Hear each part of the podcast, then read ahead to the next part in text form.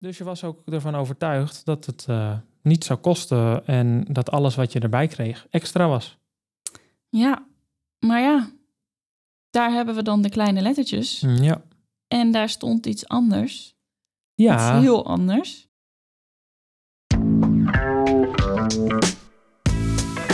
Hallo. Leuk dat je luistert naar de Wetten en Whisky podcast met S. en met Tim. In deze podcast nemen we je mee in de enige virtuele bar van Nederland... waar ondernemerschap en wetgeving samenkomen in één enkel glas. Dit is seizoen 1, aflevering 5 en vandaag gaan we het hebben over de welbekende kleine lettertjes.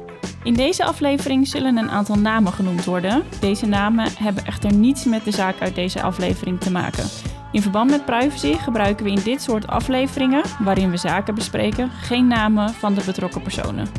Pak er lekker wat te drinken bij. Het is tijd om de jungle van de kleine lettertjes in te duiken. Deze zaak draait om persoonlijke ontwikkeling. Of nou ja, eigenlijk, het heeft ermee te maken. Ja. Ehm, of je nou voor een baas werkt of eigen baas bent, iedereen heeft eh, wel eens een training, workshop, cursus, weet ik het wat gevolgd. En veel ondernemers hebben bijvoorbeeld een business coach. Een business coach die je kan helpen bij jouw Business. onderneming. maar eh, ja, dat kan natuurlijk op heel veel verschillende manieren. Ja. Want eh, het kan op persoonlijke ontwikkeling, leiderschap, videomarketing, weet ik het wat. Ja, Kies iets en er is wel een coach voor. Ja. Ehm, jij hebt ook best wel veel coaches al gehad door de jaren heen, toch? Ja, ja, zeker. Ik, eh, toen ik startte met ondernemen, eh, heb ik eh Tineke Zwart als coach gehad. Ja. Eh, en nu word ik gecoacht door Sharona Bolander. Mhm. En ja, ik heb in mijn bedrijf eigenlijk altijd ja, bepaalde periodes waarin ik een coach heb. En dan weer even niet. Ja. En dan denk ik, oh, ik wil eigenlijk wel een keer weer op een ander vlak ergens mee aan de slag. En dan ga ik iemand zoeken die daar voor op mij op dat moment Precies. passend Ja, bij is. waar jij op dat moment tegenaan loopt, daar zoek je iemand bij die je daarbij Precies. kan helpen. Ja, en ja, Tineke en ehm, ja, Sharona zijn twee coaches die volgens mij best wel bekend zijn in, eh, in Nederland. Net als Veronique Prins en eh, Michael Pilarsik. Maar in, je ieder, hebt in natuurlijk... ieder geval in de, in de kringen waar jij, Zeker, eh, ja. jij omgaat. ja, als ik tegen mijn business buddies zeg Tineke of Sharona, dan weten ze meteen over wie ik het heb. Ehm, maar ja, er zijn natuurlijk ook buitenlandse coaches zoals Tony Robbins, James Wedmore. En ja, dat soort coaches geven naast dat ze één op één coaching doen, vaak ook wel ja, events. Die hele Ehm, grote events, heel veel mensen bij elkaar. ja, nou ja, honderden, soms wel duizenden. Of, of ik heb ook wel eens gehoord van een event waar gewoon meer dan 10.000 mensen bij elkaar komen. Nou, Ja. Ik zou daar persoonlijk een beetje stress van krijgen, zoveel mensen. maar het is natuurlijk wel heel tof om, ehm, ja, om daar naartoe te gaan en om jezelf verder te ontwikkelen, je grenzen te verleggen, verder te groeien als persoon en als ondernemer. En ja, voor veel ondernemers is het doel met al die persoonlijke ontwikkeling natuurlijk uiteindelijk het verhogen van je omzet en Tuurlijk. dus je winst. Uiteindelijk wel. En ja, voor deze aflevering gaan we even terug in de tijd. Terug naar de periode voordat de wereld op slot ging. In verband met corona. Ja, want stel je voor, je hebt besloten dat je deel gaat nemen aan een training van, eh, van zo'n bekende spreker. En je wil wel eens met eigen ogen zien hoe zo'n event met, eh, met die duizenden mensen is. Nou, jij zegt, eh, nou, mij lijkt het niks, maar Nou, het ligt er een beetje aan hoeveel. ja, Duizend of 2000 lijkt me nog wel oké. Maar 13.000 of eh, weet ik veel, eh 20.000, dat hoor je ook wel eens. Of dat je op Instagram ja, video's ziet van dat soort evenementen. Gewoon hallen Afgeladen. vol. Oh Ja, nee, dat lijkt me... Maar goed, stel, het lijkt jou wel wat. Mm. Ehm, dat soort evenementen zijn vaak meerdere dagen. En uiteindelijk besluit je dus je ticket te bestellen. En je kiest ook meteen de optie om een hotel bij te boeken. Ja, dat is wel lekker. Ja. Als het meerdaags is, dan hoef je ook niet heen en weer te rijden. Nee, is vaak dan het hotel bij het congrescentrum of weet ik het wat allemaal. Ja. Allemaal goed geregeld, meteen dan. En dan ehm, kan het aftellen beginnen. Je kan je gaan verheugen op die paar dagen in het buitenland. En ja, dan ben je daar met allemaal mensen die hetzelfde denken, hetzelfde doel hebben. En En toen, corona. Ja. Ja, we hoeven eigenlijk niet, eh, niet te vertellen wat voor gevolgen dat eh, allemaal had. Iedereen heeft daar zijn eigen ervaring mee. Maar ja, in het geval van bedrijven, eventorganisaties en ondernemers viel corona eigenlijk uh, onder overmacht. Ja, want opeens konden al die evenementen niet meer doorgaan. Ja. En dat geldt natuurlijk niet alleen maar voor coaches en dat Nee, soort dingen, maar gewoon zeker. alles en iedereen die een live event Ja. organiseerde. En ehm, voor degene die luistert en die de term overmacht misschien wel een keer heeft gehoord, maar nog niet precies weet wat dat is, kan je daar iets meer over vertellen? Ja, overmacht is eigenlijk een juridisch begrip waar je, waarmee je een omstandigheid aantoont waar je zelf geen invloed op hebt. Ik zal even twee voorbeelden geven die het wat eh, ja, Duidelijker duidelijker maken. Ehm, als je bijvoorbeeld bij een eh, fotograaf een buitenshoot boekt, eh, vandaag voor over drie weken, weet ik veel. Mhm. Ehm, en het komt op dat moment op die dag met bakken uit de hemel. Nou ja, dat is nogal logisch in Nederland, want ja, niet zo onvoorspelbaar als het weer. Ja, Dan kunnen zowel jij als die fotograaf daar niks aan doen. Maar ja, dat de fotograaf nu geen foto's van jou kan maken, is niet zijn schuld. nee. Want hij kan er niks aan doen, dus dat is overmacht. nee, kijk, een wet t-shirt contest is natuurlijk altijd leuk, maar misschien Voor je zakelijke foto's lijkt me dat geen goed je, idee. Nee. voor ogen had.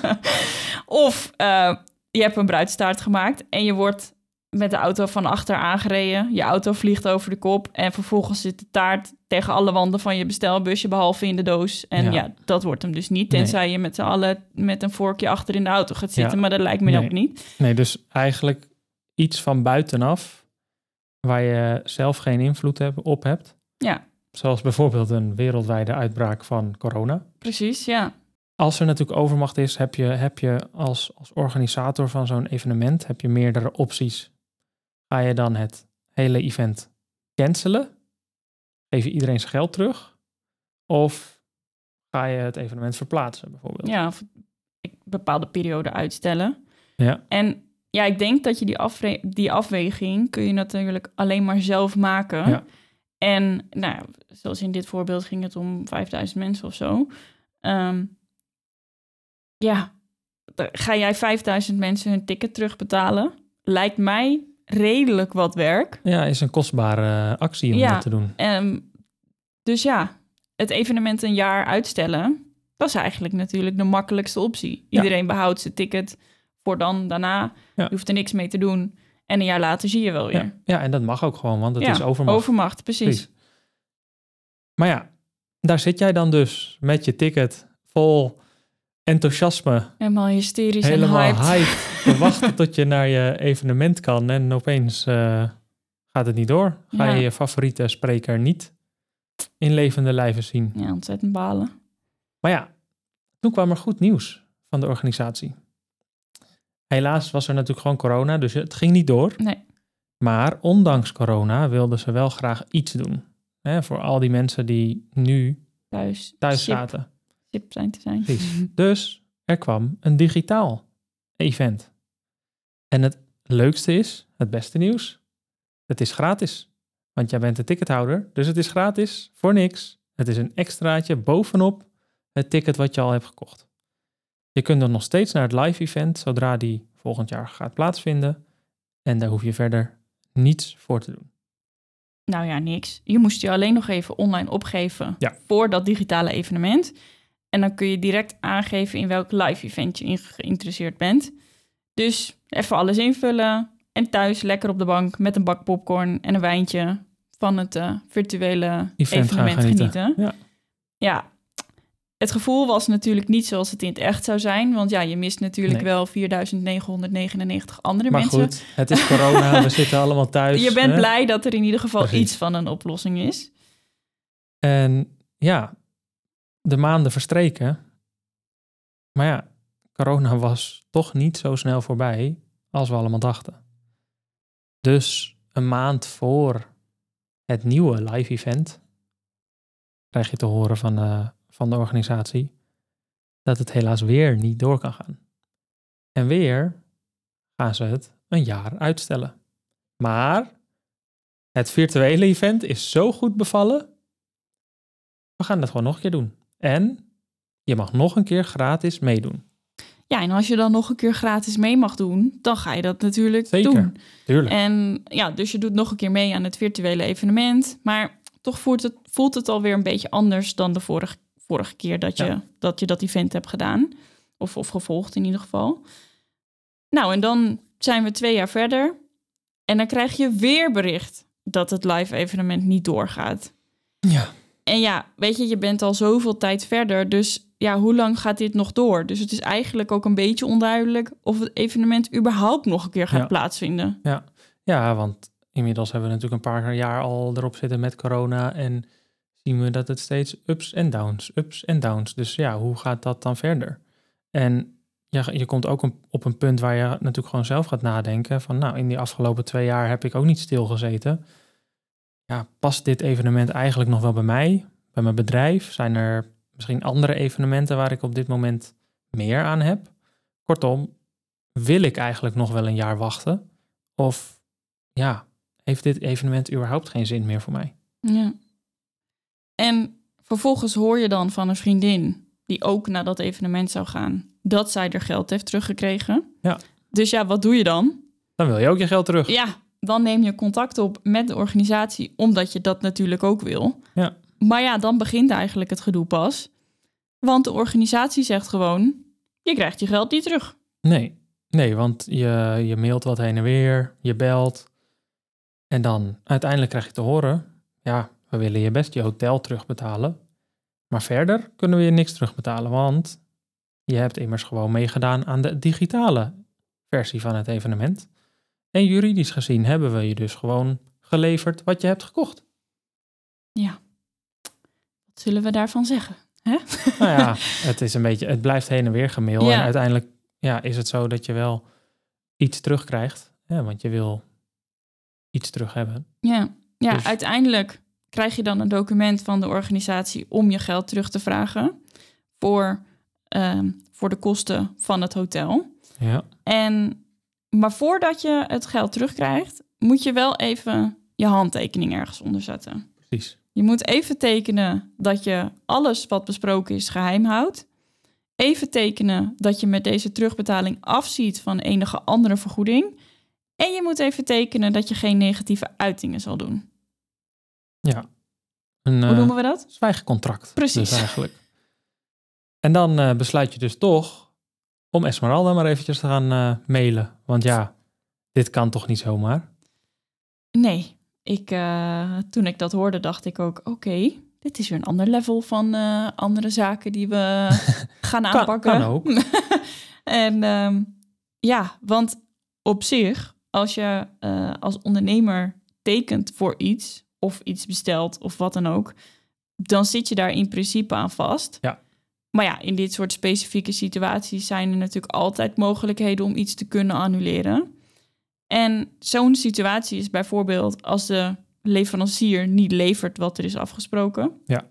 Daar hebben we natuurlijk het wetboek voor. Mhm. En ehm, in artikel 6265 burgerlijk wetboek lid 1, wil je het opzoeken, dan mag het, Ehm, wordt eigenlijk bepaald dat ehm, iedere tekortkoming van een partij in de nakoming van een van haar verbintenissen geeft aan de wederpartij de bevoegdheid om de overeenkomst geheel of gedeeltelijk te ontbinden, tenzij de tekortkoming, gezien haar bijzondere aard of geringe betekenis, deze ontbinding met haar gevolgen niet rechtvaardigt.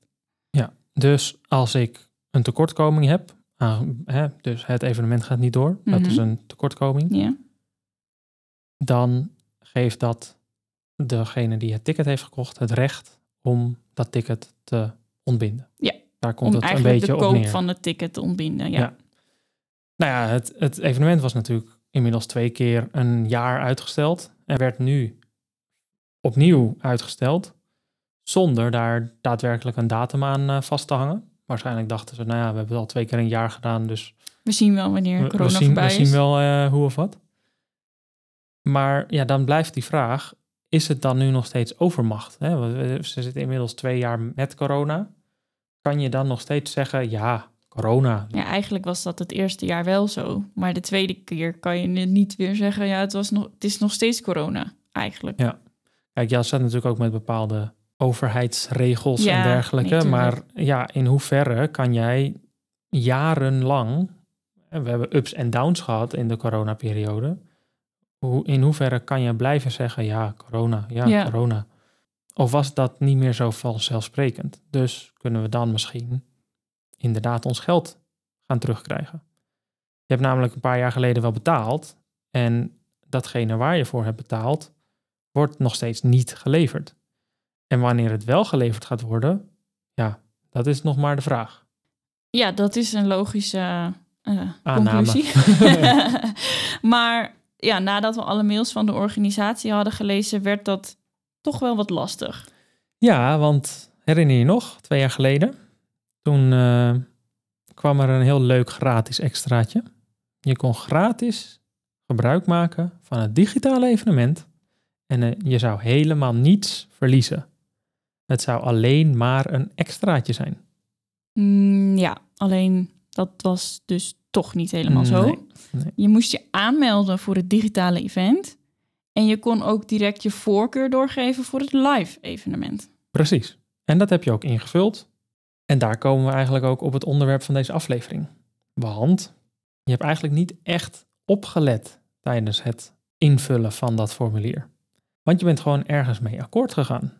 Maar die kleine lettertjes, die heb je niet gelezen. Want het was echt zo duidelijk in al die e-mails van, eh, van de organisatie.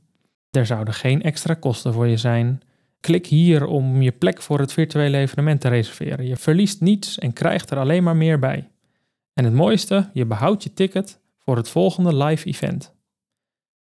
Ja, daar ga je natuurlijk vanuit van oké, dat klinkt goed. En dat aanmeldformulier, dat, nou, dat heb je even snel vluchtig bekeken, was in het Engels.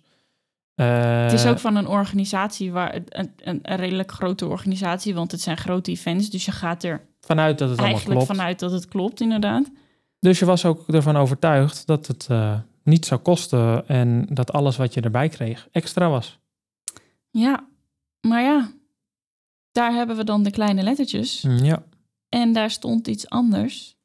Ja, Iets heel anders. Want waar het op neerkomt, is dat je akkoord bent gegaan met het volgende. Je hebt het geld wat je hebt betaald voor het live evenement omgezet in de aankoop van een ticket voor het virtuele event. En naast de aankoop van het virtuele event krijg je een gratis ticket voor het volgende live event. Dus even heel kort. Wat je hebt betaald wordt gebruikt voor het digitale evenement. En je krijgt een gratis ticket voor de volgende keer. In plaats van dat je een gratis digitaal event krijgt, betaal je voor het live event. Eh, sorry. Zie je, snap je hoe opnieuw. In, ingewikkeld in is? plaats van dat jij een gratis digitaal event krijgt, betaal je voor het digitale event en krijg je een gratis live event erbij. Dus jij hebt het eh, digitale evenement gevolgd. Ja, Dus heb je geen recht meer op een terugbetaling. Want je hebt er zelf mee ingestemd om je aankoop van het live evenement om te zetten in een ticket voor het digitale evenement. Dat digitale evenement is geweest. Heb je ook aan deelgenomen. Dus dat waar je voor betaalt, heb je ook daadwerkelijk gehad. ja.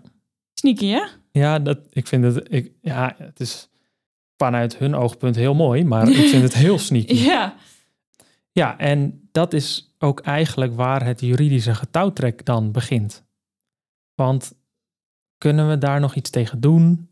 We zijn het echt totaal niet eens met die omzetting en, en dat soort Nee. zaken. Ja, want als we gewoon kijken naar alle teksten in de e-mails, hè, wat, wat, wat er door de organisatie naar ons is toegestuurd, ja, daar, daar is gewoon echt heel wat anders wat ze zeggen. Dus ja, naar onze mening is er gewoon sprake van misleiding en bedrog. Ja, en vo- voordat we daar iets verder op ingaan, is het denk ik wel handig om dat even een beetje uit te leggen, kort uit te leggen. Als je van mening bent dat je bij het sluiten van een overeenkomst een verkeerde voorstelling van zaken hebt gehad, ik kan dat niet makkelijker uitleggen, want ja, dat, zo heet dat gewoon. Nee, nou, Ehm, ik, ik kan misschien zo wat voorbeelden Ja, geven. dat goed. jij dan zegt, Ja. ja. Dan, ja, dan is er sprake van een wilsgebrek. Dus je hebt niet de juiste informatie gehad op basis waarvan je vanuit je eigen wil een keuze hebt kunnen maken. Want stel dat je wel alle informatie, alle juiste informatie had gehad, had je het dan vanuit die eigen wil ook gedaan. Dus, nou, ik zie jouw laptop. bij, bijvoorbeeld, je krijgt eh, van iemand te horen dat iets door Apple is gemaakt. Maar achteraf blijkt dat niet het geval. Het product werkt wel met Apple, maar het is niet door Apple gemaakt. Ja, precies. En er zijn dus vier soorten wilsgebreken, namelijk bedreiging, bedrog, misbruik van Mhm. omstandigheden en dwaling. Nou bedreiging weet iedereen wel eh, Ja. wat dat is. Bij bedrog, daar kun je eigenlijk naar kijken als het opzettelijk doen van een onjuiste mededeling of het opzettelijk verzwijgen van essentiële informatie. Ja, dus bijvoorbeeld eh, als koper vertel ik jou expres dat iets door Apple is gemaakt. Eh, om bij dat voorbeeld van net te blijven. Zodat jij sneller denkt, oké, dat wil ik hebben, want het is van Apple. Terwijl ik weet dat dat niet zo is. Ja, inderdaad. Ja, of eh, bijvoorbeeld ik verkoop mijn laptop aan jou. Zonder je te vertellen dat ik er een week geleden een glas water op, eh, op heb laten vallen. Dus de kans is groot dat die snel stuk zal gaan. Ja, dat zijn twee goede voorbeelden. En ja, dan heb je nog de misbruik van omstandigheden. Ja, dat is eigenlijk het geval als je misbruik maakt van een dwangpositie of eh, geestelijk overwicht.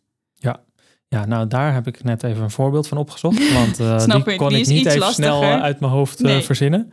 Maar een voorbeeld is bijvoorbeeld, ik, ik zit in de schulden en niemand wil mijn geld lenen. En jij bent de enige die zegt, nou Tim, ik Hier wil je wel je- helpen, hier heb je een bedrag, dan geld. kan je weer verder. Maar jij weet, jij bent de enige die mij geld wil geven. Dus vraag je een veel te hoge rente. En daarnaast wil je ook nog allerlei andere, dat ik allerlei andere klusjes voor je, voor je uitvoer. Ja, normaal gesproken zou ik waarschijnlijk zeggen, nou S, echt niet. Want eh, die rente bij de bank is veel ik lager. zelf je auto wassen? Precies. maar ja, ik ben afhankelijk van jou, want jij bent de enige die, die mij geld wil lenen. Dus ga ik daar dan misschien maar mee akkoord. Nou, dat is dus, dan maak je eigenlijk misbruik van wat er aan de hand is. En Ja. dat, is, dat valt daar dan dus ook onder. Ja. Nou, dan heb je eigenlijk als laatste heb je nog dwaling. Dweiling. Dwaling. Ehm, dwaling lijkt op bedrog. Maar bij bedrog moet je kunnen bewijzen dat die onjuiste voorstelling van zaken opzettelijk gecreëerd is. Ja. En ja, daarvan is eigenlijk sprake dat als de wederpartij, dus ja, dat is dan in sommige gevallen de verkoper, ehm, dingen vertelt die niet kloppen of informatie verzwijgt. Maar daarbij hoef je dan de opzet, dus dat iemand dat expres doet, hoef je niet te bewijzen. En ja, de term mis- misleiding is eigenlijk een soort van verzamelnaam voor bedreiging, bedrog, misbruik van omstandigheden en dwaling. Mhm. Ja, en in dit geval vinden wij dat er sprake is van bedrog slash dwaling, omdat de organisatie heeft gezegd dat je iets extra kreeg. Niet dat je jouw ticket zou omzetten naar een virtueel evenement en dat je dat als extra nog toegang kreeg tot een live event. Ja, precies. Dus wat, Dus- ze, wat ze hebben gezegd is heel wat anders dan wat er uiteindelijk daadwerkelijk is gedaan. Ja. En daardoor zitten we nu opeens in een echte zaak. Ja, Want we willen toch echt ons geld terug. En hoe gaan we dat doen? Nou ja, daarom ben jij eh, begonnen met een brief naar de organisator. En die waren het natuurlijk totaal niet met jou eens. Vervolgens was er dan een, een heel heen en weer van juridische brieven. En ja, het werd toch wel duidelijk dat, ja, dat er geen terugbetaling zou gaan komen van, eh, vanuit de organisatie. Want die, die stonden helemaal achter wat zij hadden gedaan. Ja. En, en ja, Ja, er, was toch gewoon, er was toch gewoon afgesproken dat je eh, een digitaal evenement zou gaan volgen. Dus die, die zagen niet in waarom dit problematisch was. nee. Het enige wat ze wel wilden bieden is een terugbetaling van het hotel. Het was dus eigenlijk wel best wel snel duidelijk, we gaan hier niet samen uitkomen. En wij wilden ons geld terug, of nou ja, eigenlijk voor jouw cliënt. Ja, wel ja. ik zeg, eh, wij wilden ons Je geld terug. horen aankomen dat dit natuurlijk een, eh, Tuurlijk, een zaak tuurlijk. van mij is geweest. En als wij dat willen, dan is het aan ons om dus een eh, rechtszaak te gaan starten. Ja. Maar zover is het helaas nooit gekomen. Want ik Nee. denk dat wij best sterk stonden, maar Ja, mijn, eh, mijn klant heeft besloten om na alle brieven over en weer hier uiteindelijk geen eh, negatieve energie meer in te steken. mhm. Ze was al zoveel verder met haar business en zo erg gegroeid in die ja, twee, Ja. drie jaar dat en ze heeft klaar met dit hele gedoe. En ze was er klaar mee. Ja. Ja. uiteindelijk is ze akkoord gegaan met de terugbetaling van het hotel. Maar wel zonder het tekenen van dat zwijgcontract. Want dat gaan we natuurlijk niet doen. Nee, dat, dat slaat natuurlijk nergens op. En ja, wat zal ik zeggen? Er zitten natuurlijk wel een aantal dingen in waarvan ik zeg... let daarop en, en, en denk daar goed bij na. Ja, want ook al denk je dat het allemaal klopt, of vertrouw je volledig op iemand, kijk en lees altijd goed. Dat is eigenlijk waar het op neerkomt. Want wat er daadwerkelijk staat, hoeft niet precies te zijn wat jij denkt. Nee. Dus waar ga je mee akkoord en wat zijn de voorwaarden en waar heb je wel recht op, waar heb je geen recht op? Als het niet klopt, als dat wat er staat anders is dan wat jij voor ogen hebt, dan moet je misschien gewoon niet tekenen. Nee, dat klopt. en ja, weet je, als er in dit geval geen akkoord was gegeven op het heel erg sneaky omzetten van dat ticket, dan, ja, dan had mijn klant misschien eenvoudiger haar geld terug kunnen eisen omdat ze in dat geval dus de ticket niet had omgezet naar een digitaal Ja. ticket. En dus ook niet op dat live event Ja. was geweest. Eh, De digitale event, ja. Ben ik nou weer in de war? Ja, maakt Oh, niet. Nou, in ieder Maar geval, ja. ja, want nu, want nu heeft ze dus geaccepteerd dat ze dat heeft omgezet naar... Ja. En, en zij hebben dus juridisch gezien geleverd. Hoe sneaky ook. Hoe krom ook. Ja. en nou ja, het werd dus ingewikkelder daardoor, want dan zouden we dus eerst dat omzetten van dat ticket moeten aanvechten om vervolgens het geld van het originele ticket terug te kunnen eisen. Ja. Ja. Ja, Ja, en- en dat is, dat is. Ik denk, ik denk nog steeds dat we best wel kans hadden gemaakt. Maar ja, dat eh, ja, en in, in met dat soort dingen laat ik altijd ook aan de, altijd... aan de cliënt. Precies, ja. Ik bedoel, jij kan het wel willen doen, maar ja, als een cliënt zegt, nou, Ik ben er klaar, klaar. mee en ik vind het goed, dan, ehm, ja, dan, ik, ik adviseer daar ook altijd alleen maar in. Ja. Ehm, en als de klant nee zegt, dan is het nee. Dus, ja, dus het is toch weer duidelijk, eh, lees waar je voor tekent. En die kleine lettertjes zijn niet altijd leuk. Maar kijk nou wel eerst even waar je mee akkoord gaat.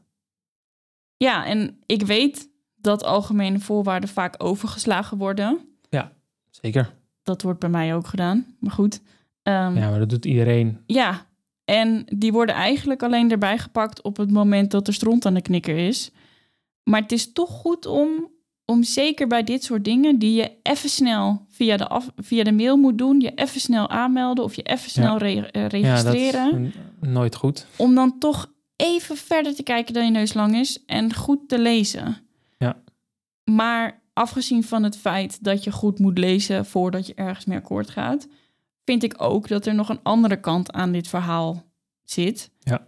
En dat is ook een ethische kant. Zeker. Want wil je wel zo hard zijn tegen je klanten? Wil je wel op deze manier met jouw klanten omgaan? En ze dus eigenlijk stiekem een beetje buitenspel zetten? Ja. Want ja, jij doet iets waar zij niet meer tegenin kunnen eigenlijk. Ja, ik denk dat dat ook echt een hele goede vraag is eigenlijk. Want ja, als bedrijf maak je natuurlijk continu de afweging tussen geld verdienen aan de ene kant. En misschien in dit geval zelfs eh, overleven van het bedrijf. Hè, met hoeveel mensen ze anders hadden terug moeten betalen.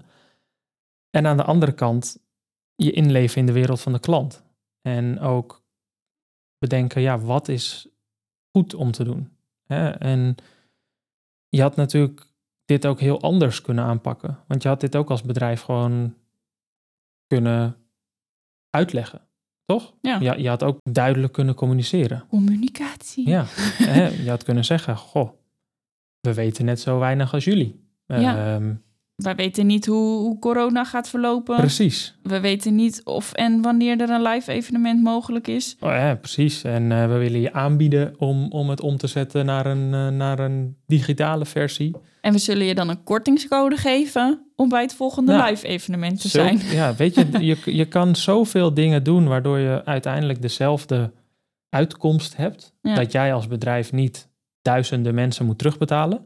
Terwijl je tegelijkertijd kunt communiceren naar die klant en dat iedereen weet, oké, eh, het is corona, ze kunnen er niks aan doen. Ik gun het ze om ook gewoon Ja, dit door te laten gaan en ik wil, ik, ik ben me er volledig van bewust dat ik dit doe. en niet sneaky, een beetje onder het gras gemoffeld. Nee, zeg je dat? precies. Zoiets. Gewoon, gewoon netjes Ja. en eerlijk. En Dat er geen addertje onder het gras Precies. zit, die was hem. precies. Maar als we het dan over die addertjes hebben, want ja, de voorwaarden die jij schrijft, daar zit natuurlijk ook wel een, een, een heel duidelijke en, en strikte kant aan eigenlijk. Hè? Het is, eh, er is geen spel tussen te krijgen Nee, in principe. Nee, en dat is ook even kleine, kleine side note. Dat, dat doe ik wel eens vaker. Ehm, ik zeg altijd, ik schrijf geen je en jij en hey, wat leuk dat wij gaan samenwerken, bla bla bla. Dat soort Jip en Janneke gedoe noem ik het altijd. Omdat die juridische taal, die heeft ook daadwerkelijk een functie. Ja. Dus ik, er moet geen spel tussen te krijgen zijn. En ik zeg altijd, wees hard in je voorwaarden en wees menselijk als ondernemer als dat Mhm. nodig is. En ik zeg er ook altijd bij dat je dus in het voordeel van je klant kan afwijken van je algemene voorwaarden als dat nodig is. Ja, ja, het is niet dat, het, dat wat erin staat, dat je dat, dat, moet. doen. Nee. Kijk, je mag niet in het nadeel van je klanten afwijken, maar dat is logisch, maar wel in het voordeel. En blijf altijd communiceren. Ja. Een verhaal heeft altijd twee kanten. Ja. Kijk, een voorbeeld, ehm, coaches die willen vaak in hun algemene voorwaarden opnemen dat je dan zeg maar tijdens dat traject niet tussentijds kan stoppen. Ja. En dat mag ook als je met een zakelijke klant een overeenkomst aangaat. Maar het is dan wel belangrijk, of in ieder geval dat vind ik, om te kijken wat is de reden dat iemand wil stoppen. Zeker. Ja, ik bedoel, heb je geen zin meer? Of, eh, Ja, Of wat? ehm, staat de stem of de kop van je coach opeens niet meer aan van de een op andere dag? Ja, Ja, dat zou kan. ook kunnen. Ja. Ehm, heeft, heeft, heeft die klant opeens geen geld meer? Of is het misschien dat de klant van mening is dat die coach gewoon niet levert? Dan is het Ja. natuurlijk goed om even te kijken van... hé, hey, wat is er aan de hand? Maar dan, het, dan krijg je waarschijnlijk sowieso een conflict inderdaad. Ja. Maar ja, maar het zou ook nog een heel andere kant op kunnen gaan... dat, je, dat die klant opeens heel erg ziek is... of dat er in de privé-situatie ehm, Iets- iets ernstigs gebeurt, is.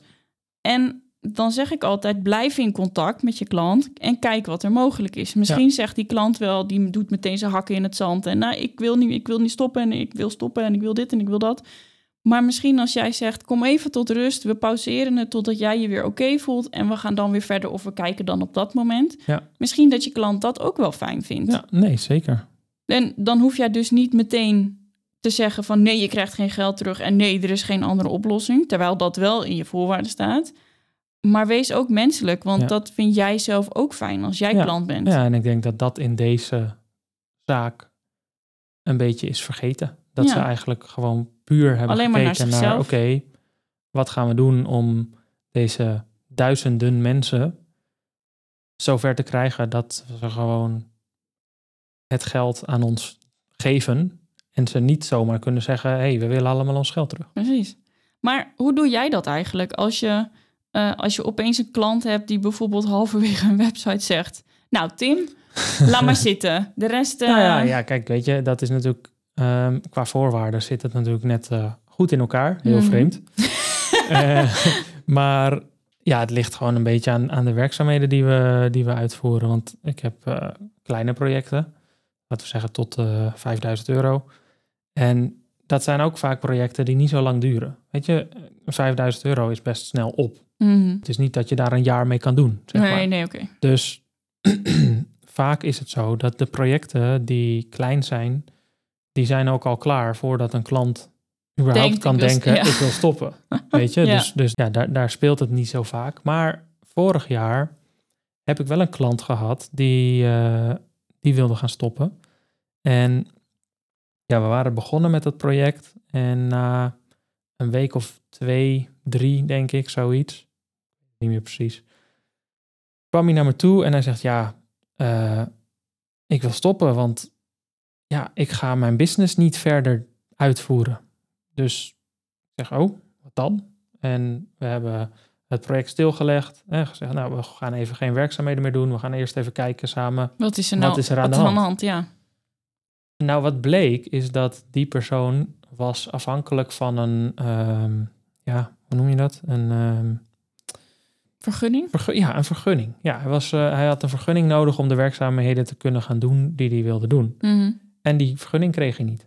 Ja, dan wordt het lastig. Dus hij kon gewoon niet aan het werk. nee. En dus het is niet dat hij niet wilde, maar... Nee, precies. Het kon gewoon niet. Ja, Nou, en toen hebben we ook gezegd van oké, we stoppen. We zetten we, we, wat we hebben gemaakt, slaan we wel op. En ehm, stoppen we in het archief. stoppen we in het archief. Dat wat we hebben gedaan, factureren we. En mocht je op een later moment toch weer verder willen, dan kunnen we weer verder gaan. Ja.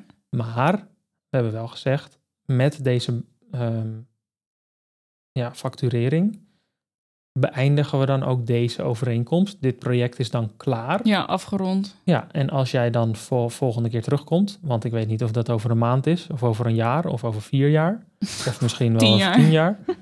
Ehm, ja, dan zijn die prijzen niet meer zoals Nee, de nee, offerte die we toen hebben gemaakt. Dus op het moment dat je terugkomt, gaan we wel weer kijken wat gaat het dan kosten Wat is de om situatie verder dan? te gaan. Ja. Maar ja, daar hebben we natuurlijk ook gewoon gekeken van ja, dit, dit is een zo'n specifieke situatie, daar gaan we gewoon stoppen. Ja, Maar we hebben ook projecten waar eh, een klant bijvoorbeeld tekent om eh zes, zeven, acht maanden fulltime een ontwikkelaar af te nemen. En daar zit dan ook projectmanagement bij en eh, weet ik het wat allemaal. Ja, en dat is natuurlijk weer heel anders. Want als ik weet, oké, we gaan zes maanden fulltime voor deze klant aan de slag, dan plan ik ook mijn ontwikkelaar zes maanden op dat project in. ja, En dan kan ik niet na drie maanden opeens te horen krijgen, ja, we gaan nu stoppen stoppen. ermee. Nee, want ik heb hem nog drie maanden voor jou ingepland. ja, en misschien ook wel afgesproken dat die betaald zou krijgen. Zeker. Ik kan niet zomaar opeens zeggen, oké, eh, ik heb nu, nu moet ik hem fulltime ergens anders opzetten. Nee. Nee. daar heb je ook tijd voor nodig en weet ik het wat. Dus dan gaan we in principe wel gewoon door. Maar dan houden we de klant er ook in principe wel aan dat hij moet betalen. Ja, Maar dat is gelukkig eigenlijk nog nooit echt voorgekomen. nou, fingers crossed. Ja, Klop het even af. ja, dus eigenlijk heb jij ook best wel strenge algemene voorwaarden. Zeker. Maar kijk je wel naar wat er aan de hand is en bedenk je daar voor jezelf en voor je klant de juiste oplossing voor. Ja, en ik denk dat jij dat ook doet, toch? Ik bedoel, je hebt vorige week nog iemand gehad die eh, na, na het inplannen van alle werkzaamheden toch Ja, wilde gaan stoppen. ja. Ja, en ik moet zeggen dat ik dat zelf ook wel lastig vind. Maar daarbij kijk ik ook weer naar wat, eh, wat is de reden, zeg maar. Ga ik stoppen met mijn bedrijf? Ben ik ziek? eh, familieomstandigheden? Whatsoever. Of ja, ik eh, heb eigenlijk geen geld en ik krijg financiële stress en eh, ik wil mijn geld terug, want dan kan ik daar iets anders mee betalen. Ja, wat doe Ja. je dan? Ja, ja. het is altijd lastig. Ik bedoel, jij, jij hebt ook het geld nodig. En Ja. in principe gaan mensen natuurlijk ook bij jou gewoon akkoord met je voorwaarden. precies. Dus En dus ja, ik heb gezegd, nou ja, weet je, heel vervelend dat je nu op deze, in deze situatie dat je nu zit. wil stoppen, maar ja. En Helaas. ehm, ja, je bent akkoord gegaan met mijn voorwaarden, maar wat ik je wel wil aanbieden, is dan halen we nu de intake gewoon uit de, uit de agenda. En ehm, nou, tot, eh, weet ik veel, wat heb ik gezegd, eind oktober kun je gewoon nog je intake inplannen. Hou ik in gedachten nog een plekje voor je gereserveerd. En zodra het jou uitkomt en het weer iets rustiger is geworden, plannen we hem alsnog in. Ja. Ehm, en dan hoor ik het wel. Ja, dus ook bij jou eigenlijk van oké, ja, je kan niet stoppen. Want je kan wel stoppen, maar dan kost het je geld. Ja, maar er is maar toch nog een andere je mag, optie. Je mag ook zeggen, oké, we doen het over een paar maanden of Ja. whatever. Precies. Weet je? En Dus ja, en wat ook dat daarbij betreft. weer menselijk kijken, wat is er mogelijk? Want ja, ze zijn akkoord gegaan, maar ja, hoe kunnen we zorgen dat ze toch precies. Ja, en, komen waar ze en het zijn? blijft lastig hoor. Want, want ja, als je dan uiteindelijk toch besluit om die intake niet meer in te plannen, heb je natuurlijk wel die, ja, die annuleringsvergoeding wel alsnog betaald. Maar ja, daar heb ik natuurlijk ook mijn eigen algemene voorwaarden voor. Ja. Net als dat wanneer je hair- en make-up visagist bent en je plant een eh, bruidskapsel en bruidsmake-up in en iemand besluit opeens niet meer te trouwen, ja, dan Ja. heb je ook die aanbetaling eh, of ja. je annulering betaald. Dus Ja. Ja, en, en natuurlijk is het zo dat in dat voorbeeld wat jij schetst, gaat het dan nog om een particulier. Maar Ja. bij jou is het allemaal allemaal business. Kijk, zakelijk. als- ja, er zijn ook heel veel website-abonnementen. Hè? Die worden vaak mensen aangesmeerd. Of, of, of, of zoekresultaat, eh, weet ik het wat. ja, oh, Er zijn, er zijn part- eh, bedrijven die gewoon een vijfjarig contract voor iets verkopen. ja. En als je daar en daar zit je dan aan vast. zit je aan vast, ja. Ja. En eh, als je dan drie minuten later nadat je hebt opgehangen, eh, waarin je oké hebt gezegd terugbelt en ik wil het niet, zit je er ook na Ja. die drie minuten al aan vast. Dus ja, wat dat betreft, ehm, ja, dus ik, ik denk dat het goed is om te zeggen dat je met je algemene voorwaarden goed moet en kunt indekken. Ja, zeker. Maar dat het ook goed is om in gedachten te houden dat het ook fijn is om ethische voorwaarden te hebben en ze niet sneaky aan je klant op te dringen. Nee. Kijk, ik ben altijd heel, in het voorbeeld van mijn eigen eh, voorwaarden ook. Ik, je krijgt het meteen alles open en bloot toegestuurd. En mijn Ja. offerte is eh, nou, Duidelijk. heel duidelijk en heel uitgebreid. Dus je weet precies wat je krijgt en wat we gaan doen en wanneer, met welke termijnen. Dus ik, bij mij is het gewoon allemaal echt heel duidelijk ook. Ja, ja en weet je, misschien nog wel het allerbelangrijkste. Altijd goed lezen en kijken waar je staat en waar je mee akkoord gaat. Ja, en niet denken van het klopt, maar wel. Want misschien hebben ze sneaky wel iets Of op neergezet. basis van vertrouwen. Ja, dat kan ook nog. krijgen we die weer. Ehm, maar zeg ik nu dat je altijd en overal de algemene voorwaarden helemaal van A tot Z moet lezen? Nou, het zou wel het beste zijn, maar Maar nee. Maar blijf wel goed nadenken voor je ergens akkoord op geeft of voor tekent. En zeker als het om grote bedragen gaat. En ja, Weet je, ik, er denk, zijn ik denk hoe hoger het bedrag, hoe Belangrijker. belangrijker om echt wel te lezen. Ja, Kijk, of- gaat het om 300 euro en je leest de algemene voorwaarden niet. Maar gaat het om 30.000 euro, eh, dan zou ik toch wel eventjes eh, een Ja. half uurtje de tijd nemen om alles te lezen. precies, maar ook als het gaat om eh, een lidmaatschap of een Ja. abonnement waar Ja. je voor langere duur aan vastzit. En er zijn natuurlijk ook gewoon een aantal punten uit die algemene voorwaarden. Ik voel een nieuwe podcast aankomen. die, je, eh, die je eigenlijk altijd even snel zou moeten scannen. Ja. Eh, maar dat zijn er te veel om dat nu even snel te, te benoemen. Maar dat is wel fijn om dat te doen, zeg maar. Ja. Maar Ja. ja, weet je, dat, dat blijft. En Dus nooit nee. zomaar. Nee, dus samenvattend, deze zaak is het probleem geweest dat je akkoord bent gegaan met het omzetten van een ticket naar een virtueel event. Ja. Dat je dat virtuele event gewoon hebt gevolgd en dat je dus geen aanspraak meer kunt maken op je geld terug. Want jij hebt gewoon gekregen wat je hebt besteld. Ja. Maar het is wel erg sneaky gegaan. ge- niet goed gezien, niet goed gelezen. Het niet- is wel heel sneaky gegaan, inderdaad. En ehm, ja, we zouden dat kunnen aanvechten, maar dat hebben we in dit geval niet gedaan. Nee. Maar lees gewoon wat je tekent. En ja, mocht jij nou een keer niet goed gelezen hebben om, eh, en of daar een, een, een probleem van ondervinden, Of heb je zelf misschien nog geen kleine lettertjes, hè? de algemene die voorwaarden. zowel goed als ethisch kunnen zijn, dan, ehm, ja, dan kun je natuurlijk altijd contact met me opnemen om, eh, om een keer met je mee te kijken. Ehm, ja, Tim, dit was seizoen 1, aflevering 5 van de Wetten en Whisky podcast. En weet je, we zijn gewoon al halverwege het eerste Ja. seizoen. De vijfde aflevering zit erop. We Ja, zijn gewoon Tijd halverwege. vliegt. Oeh, echt hoor. En volgende week gaan we het hebben over ondernemersclichés. Want ja, jij kan toch ook gewoon altijd met vakantie? Of eh, iedere dag uitslapen tot 11 uur? Ja, ja, zeker. Kan makkelijk. Geen probleem. Ehm, wil jij als eerste op de hoogte zijn van onze nieuwe afleveringen? Schrijf je dan in voor de Wetten en Whisky podcast updates en ontvang elke week de show notes van onze afleveringen. En ben je net zo enthousiast over onze afleveringen als wij? Deel hem dan met jouw volgers. Vergeet ons niet te volgen op je favoriete podcastplatform. En eh, geef je ons een goede beoordeling? Heb je vragen voor S, voor mij of wil je wat anders met ons delen? We zullen het seizoen waarschijnlijk eindigen met een vraag- en antwoord aflevering. Dus laat het ons gerust weten. We hopen je volgende week weer terug te zien bij onze volgende aflevering. Mocht je input hebben voor de ondernemersclichés waar jij, eh, die bij jou om de oren vliegen, laat het ons weten. En verder wensen we je een hele fijne dag toe. Doeg! Dat, eh, ging, uh, dat ging wel goed, hè? Ja. Het is wel weer even iets nieuws of zo. Ja, het is weer een ander, ander soort aflevering. Soms dan denk ik, oh, gaan we nu opeens verkopen? Dan is het opeens dit of opeens dat. Maar dat is volgens mij wel... Nee, dat, volgens mij gaat dat